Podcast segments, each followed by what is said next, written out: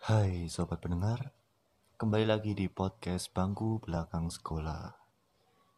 Kali ini saya Mas Ken dan Mas Davitol. akan membawakan segmen terbaru dari podcast Bangku Belakang Sekolah, yaitu Jangan merinding.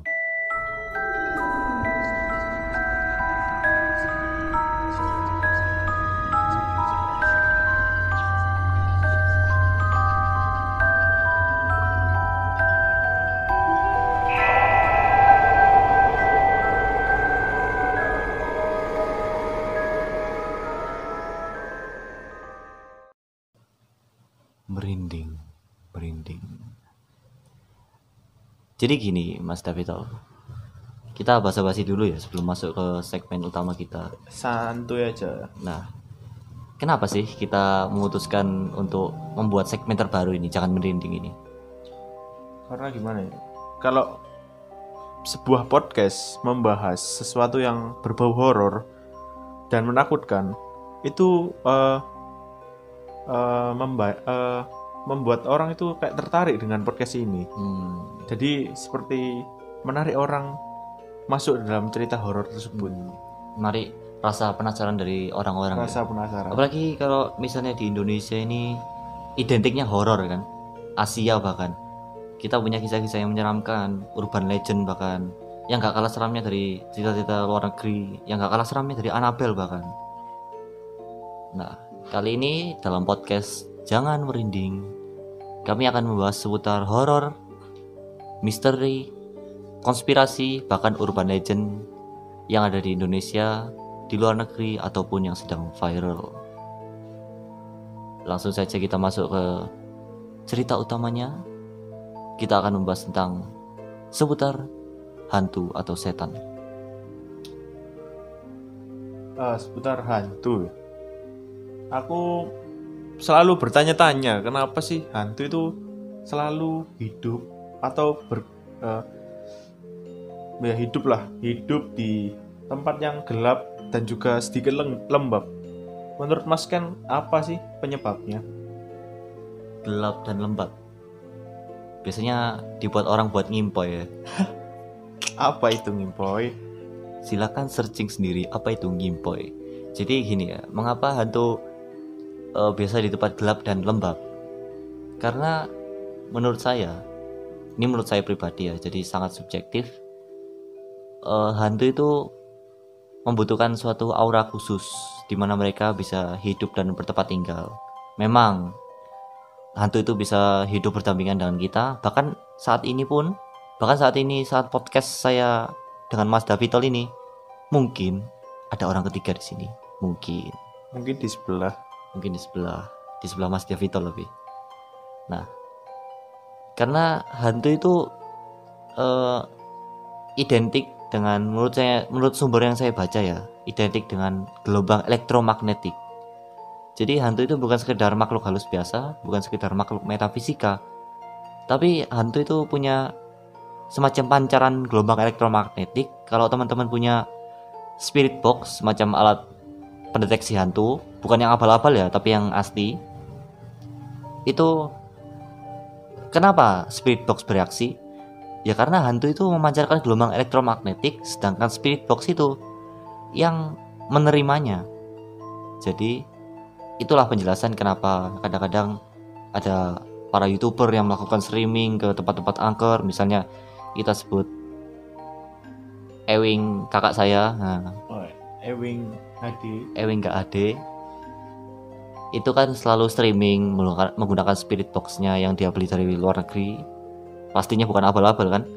Gak mungkin dong youtuber sekarang Ewin Ewing beli spirit box abal-abal kayak yang di Play Store. Terus apalagi nih tol? Ya juga juga. Gimana ya? Kenapa sih hantu ataupun roh gitu selalu identik dengan pohon besar. Pohon besar biasanya pohon beringin. Kenapa sih kok pohon beringin ataupun pohon besar? Nah ini ya menurut yang saya baca dari Google. Ini dari Google ya kalau saya salah jadi salahkan Google saja.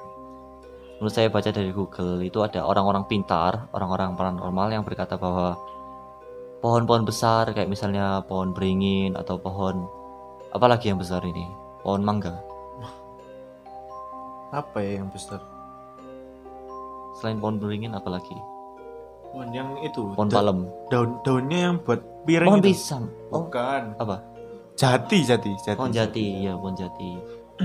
Pokoknya pohon-pohon yang menjulang tinggi ke atas atau bahkan yang umurnya sudah tua. Nah, itu sering di dijadikan tempat bernaungnya hantu itu karena memang mereka habitatnya cocok di situ.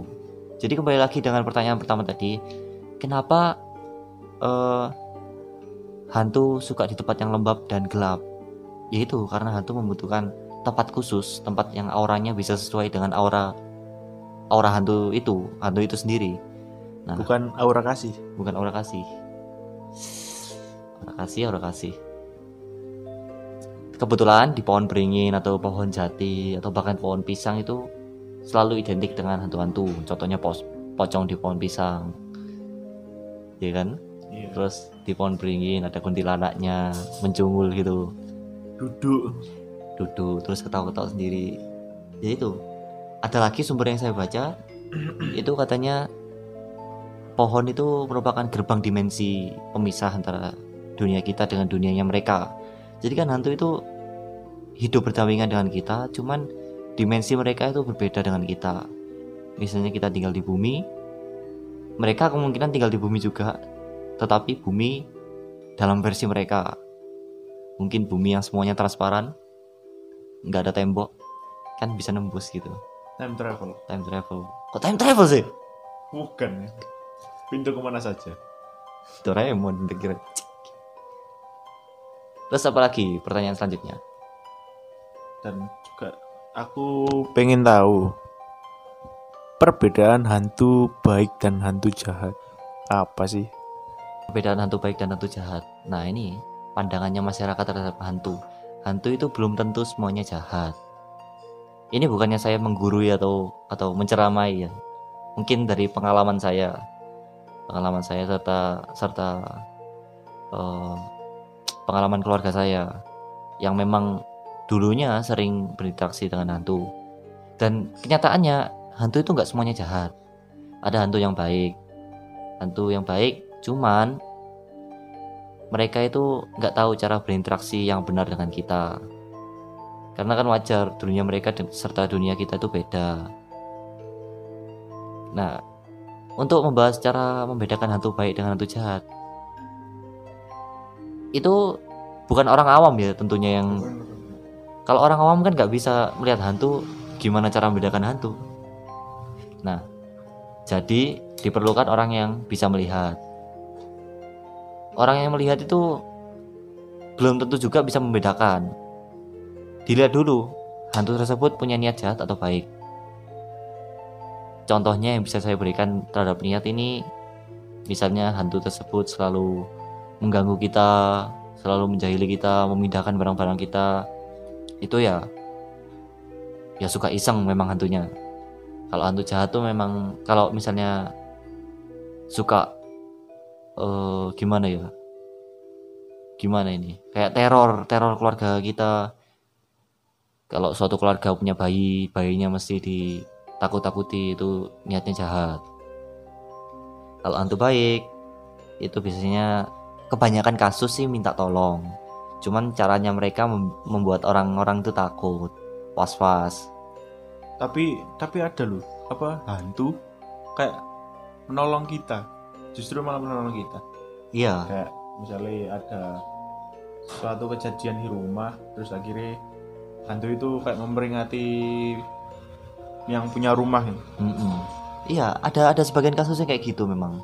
Kayak misalnya biasanya tuyul tuh identik dengan mencuri uang kan. Ya.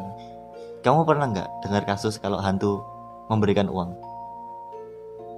Uang hantunya sendiri. Enggak, uang asli. Enggak, enggak, enggak pernah dengar. Enggak pernah. Kalau keluarga saya pernah. Gimana ini? Ya, dulu saya kan waktu SD di Kalimantan. Jadi full, papa mama saya pindah kerja ke di Kalimantan. Nah, kebetulan saya menempati rumah dinas di situ. rumah dinas itu waktu saya cuma dengan mama saya ya. Nah mama saya tuh tanya tanya gini kok di mana kucing gendut? Nama dulu kan saya punya kucing namanya gendut nah cuma satu gendut itu. Aku nggak jawab waktu itu memang memang nggak dengar. Bahkan sampai sekarang aja aku lupa kalau di- kalau nggak diceritakan lagi sama mama saya. Nah itu yang jawab orang lain cewek suaranya. Itu loh di dekat kardus ngomongnya gitu nah dikirain mama saya aku yang jawab jadi udah diem. Tapi mama saya ya ya mikir kok suaranya jadi cewek?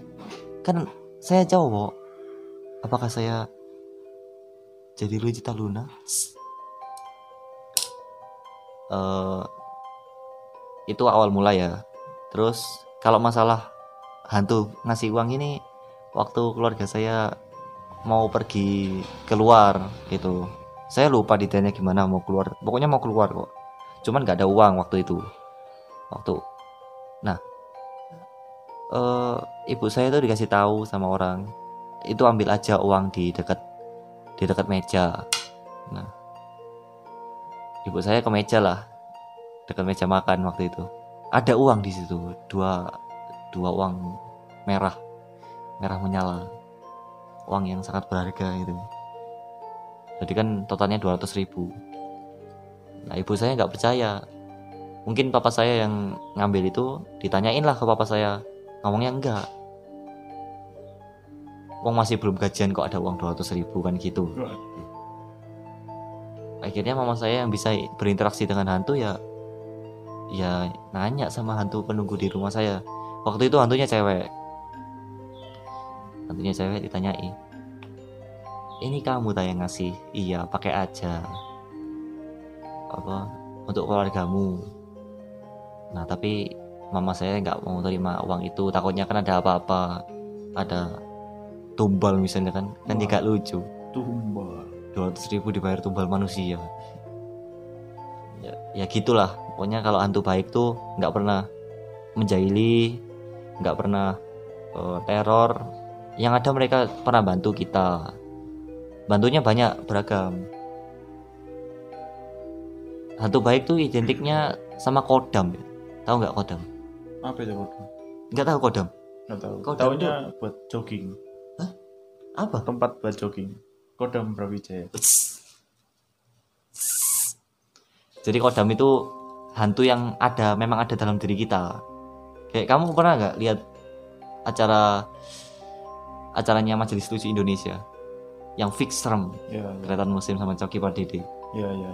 Itu kan Tretan Musim punya Oh. kodam kan. kayak bawaan gitu Mm-mm. bawaan loh Kodamnya itu kakek kakek veteran iya iya yang kadang-kadang kalau mereka apa jalan-jalan ke rumah-rumah angker kadang-kadang kalau kodamnya muncul kakeknya muncul pakai bahasa Madura kan itu nah itu kodam itu baik mereka memang jaga tubuh kita mereka memang jaga jiwa kita dari roh-roh jahat yang lainnya.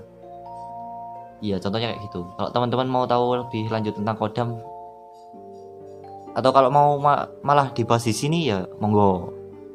Kami terbuka untuk menerima saran dan kritik. Jadi kita mau bahas apa lagi nih, Mas Davitor? mungkin aku mau memberikan sedikit kisah. Hmm, kisah. kisah pribadi horor ya, kisah bukan pribadi sih. Bukan pribadi. Buat kisah dari Om Om. Hmm, oke oke. Gimana ya? jadi awalnya awalnya itu gimana ya apa di di tempat di rumah ya karena ada tempat kayak cuci cuci, cuci korah korah korah cuci piring tempat cuci piring Hmm, ya. tempat cuci piring itu luas pasti kan di situ kan gelap lembab tuh Gimana gimana? itu di dalam rumah Ya. Tempat cuci piring itu di bawah tempat cuci piringnya itu di bawah jadi di itu foto foto pulang gereja foto. Selfie, Pak- selfie apa foto? difotoin. Oh, difotoin. difotoin tuh dia awalnya pakai ya dia pakai baju kotak-kotak. Setelah dijepret dan lihat hasil orang lain itu lihat dia itu ada ada dua dua. ada dua. Padahal dia sendirian ya tadi. Padahal dia sendirian. Terus awalnya ditanya sebelahmu itu siapa? Kok kok ada dua orang yang pakai sama baju kotak-kotak pas dilihat ternyata ya itu. Beneran? Beneran. Ada sosok ya penunggu di rumahnya cuman persis gitu. Baju Ya. kotak-kotaknya juga. Pokoknya muka, mukanya hitam pokok baju ya kotak-kotak gak terlihat lah mukanya. Kayak blur. Blur. Iya kenapa hantu mesti kalau di foto mukanya blur? Eh. Eh hantu. Hantu. Kenapa anda tidak mewujud oh, menampilkan wujud anda? Kalau mau ikut foto monggo. Tapi mukanya jangan di blur. Tapi kalau hantu hantu bekas kecelakaan gimana? Apanya dulu apanya dulu? Kalau Oh, kakinya iya. kan mukanya nggak perlu di blur. Mukanya ganteng. Heeh. Kalau tangannya kan ya mukanya nggak perlu di blur ya kalau oplas. Duh oplas. Oke kita langsung masuk di bab selanjutnya. Bab kayak buku aja. Kayak Kayak PJJ masuk- aja. wih PJJ pembodohan jarak jauh. Jadi kita masuk ke bagian selanjutnya. Tentang apa ini mas Davito mungkin kita akan membahas satu urban legend urban legend. terkenal di Surabaya. Di Surabaya? Surabaya eh, apa, ya kira-kira? Eh, apa ya? Apa ya apa ya? Hmm. teman-teman pendengar tahu nggak kalau yang namanya rumah Darmo Surabaya? Kalau yang pernah tinggal di Surabaya pasti nggak asing dengan nama itu kan? Ini kebetulan saya tinggal di Surabaya bersama Mas Davitol eh, host-host yang lainnya juga Mas Denis Mas Adrian. Jujur aku rumah Darmo nggak pernah denger nggak tahu aku. Meskipun Oh. aku orang Surabaya tapi nggak pernah aku. Lewat lewat gitu aja nggak tahu? Nggak pernah aku lewat. Walah. asal usulnya nggak pernah. Cuma denger sih rumah Darmo rumah Darmo. Apa sih rumah Darmo? Aku kok nggak tahu kisahnya gitu. Jadi gini ya urban legendnya rumah Darmo ini rumah hantu Darmo terkenalnya itu rumahnya memang cukup besar ya sampai sekarang pun masih ada cuman sudah terbengkalai. Nah rumah ini nih ada di Jalan Puncak Permai 2 nomor 26 di Surabaya. Nah menurut gosip rumah ini pernah menjadi tempat pesugihan juga tempat penyatetan. Jadi rumah yang digunakan tuh nggak bener lah istilahnya. Nah, isu-isu yang beredar ini ngomong kalau pemiliknya ini mengikat janji dengan makhluk halus dengan memberi tumbal manusia tiap malam Jumat agar bisa kaya. Lawang dia udah kaya kok bisa lebih kaya lagi. Manusia memang memang apa? ada orang enggak Ada orang apa? lanjut lanjut lanjut Anda jangan membuat saya takut dong. Kan gini ya, tadi kan rumahnya kaya ini. Kalian eh, teman-teman bisa lihat di Google ya, rumah hantu Darmo. Kan itu udah besar itu. Bayangin kalau rumahnya masih bagus, terus pemiliknya masih ada di situ. Udah kaya loh minta kaya lagi. Memang serakah kok. Nah, tapi mereka itu tewas karena kecelakaan di tahun 1997. Di tahun yang sama juga, rumah ini ludes di lahap si jago merah. Ini saya lagi baca-baca di sumber Google ya. Sumbernya terpercaya ya Kalau percaya Google Google di mana itu sumbernya di blibli.com friends. Tumben ya Blibli ini bahas tentang horor tentang urban legend ini. ini. Blibli kan tempat santet. Oh bukan. lanjut Blibli.com tempat santet orang. Bukan bukan. Kebetulan saya juga bingung ini. Kok Blibli buat eh, microblog tentang urban legend gitu loh. Blibli tempat belanja kok tiba jadi gini. Pokoknya begitu ya. Jadi tahun 1997 rumah hantu Darmo itu ludes di di Jago Merah. Di Jago Merah tahu kan apa? Bukan ayam jago, tapi kebakaran. Nah, sejak saat itu beredar cerita mistis mulai dari sosok wanita yang berbaju putih hingga harimau tampak di depan rumah. Jadi gimana ini? Kayak ini kayak rumahnya diambil alih oleh sekumpulan makhluk. Tak kasat. Iya. Tak kasat apa? kasih mata lah. Oh iya. Emang Jadi itu kan rumah orang kaya. rumah orang kaya. Orang kaya itu serakah mati. Akhirnya rumahnya diambil alih oleh hantu. Ya nggak salah sih kalau rumah sepi gitu. Pasti kalau misalnya rumahmu ad, ad, kamu punya rumah terus kamu pergi jauh pindah. Pasti ya rumahmu itu juga dihuni. Ya Nggak- semua orang. bingung sih. Semua Nggak tahu sih. hantu ada penghuninya. Nih, kok semua hantu? Semua rumah Iya, ada semua penghuninya. Iya maksud saya itu. Mohon maaf ya saya sudah mulai agak tidak fokus. Sudah sore ngantuk. Sudah sore. Ya memang seperti itulah rumah yang kosong memang dapat ditempati oleh makhluk halus. Apalagi kalau rumornya beredar rumah hantu Darmo ini tempatnya pesugihan tempatnya penyatetan. Ya itu nilai plus buat hantu-hantu dari dari umur 1 sampai 1000 tahun tinggal di rumah itu. Oh iya. Apa? Eh, apa? Sing awakmu tau deh omahku sing pancawarna itu. Mm-mm. sing Kenapa? itu kalau tahu kayak jadi delok sosok putih nih Mbak anjing oh oh iya iya iya iya saya ingin saya ingin gimana itu Jadi ini untung saya diingetin sama Mas Davital ya. Kalau enggak ini video singkat sekali. Video podcast. Itu kalau nggak salah dulu rumahnya Mas Davital di Pancawarna Kota Baru di Rejo ya. ya Nah, di situ bagi yang nggak tahu di Rejo mohon di browsing karena saya tidak bisa menunjukkan Sherlocknya di link. Gimana itu ceritanya awalnya? halo saya kok agak lupa ya.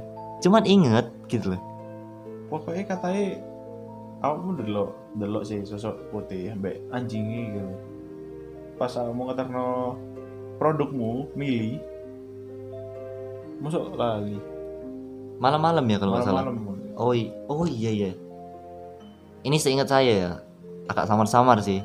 Saya rumahnya David itu tuh gini. Ngadep ngadep-ngadepan sama rumahnya tetangganya. Jadi ada jalan lurus David itu di, di sisi kanan jalan di sisi kanan jalan gang gang sempit tuh. Nah kebetulan di samping rumahnya David itu samping kanannya itu apa lahan? Bambu-bambu lahan bambu-bambu sama ada pohon pisang kan ya? Iya ada ada bambu pohon, pohon pisang. Nah waktu saya ngantarkan produk saya itu Mili. Saya kebetulan jualan Mili kan produk minuman herbal terpercaya. Pesen ayo pesen. Pesen ada Instagramnya. Nah itu saya pas mau pulang itu melihat kayak ada orang putih wujudnya putih. Ya biasa mukanya blur kayak cerita tadi. Mesti hantu itu blur kenapa ya? Gak tahu. Kayak saya pengen wawancara hantu aja. Nanti kapan-kapan kita kita undang. undang. Hantu. Sosok hantu. Itu mukanya blur tapi sambil di sebelahnya ada anjing. Anjingnya juga putih. Nah itu aneh. Entah itu halusinasi saya kan mungkin bisa jadi halusinasi saya atau atau memang beneran ada sosok putih yang bawa anjingnya itu pokoknya dia sedang natap saya natap saya sama Davito waktu itu. Untungnya dia cuma natap toh nggak ke mana-mana. Terus tiba-tiba satu kedipan hilang. Kan, kan misterius sekali. Apa maunya? Hmm? apa maunya gitu dia? Ya nggak tahu. Tapi selama itu pas kamu katanya lihat sosok itu aku ya gak diganggu sih santai aja iya mungkin. Cuman cuman adikku pernah kayak bukan bukan orang itu mungkin bukan sosok itu. Cuma pas dia gosok, gosok gigi kan di kamar mandi Heeh. kayak malam ini? lihat ya malam. Kayak lihat sliwer gitu aja. Iya mesti mesti seliwer gitu ya? Kenapa masih blur sama seliwer flash. Eh hantu. Kenapa?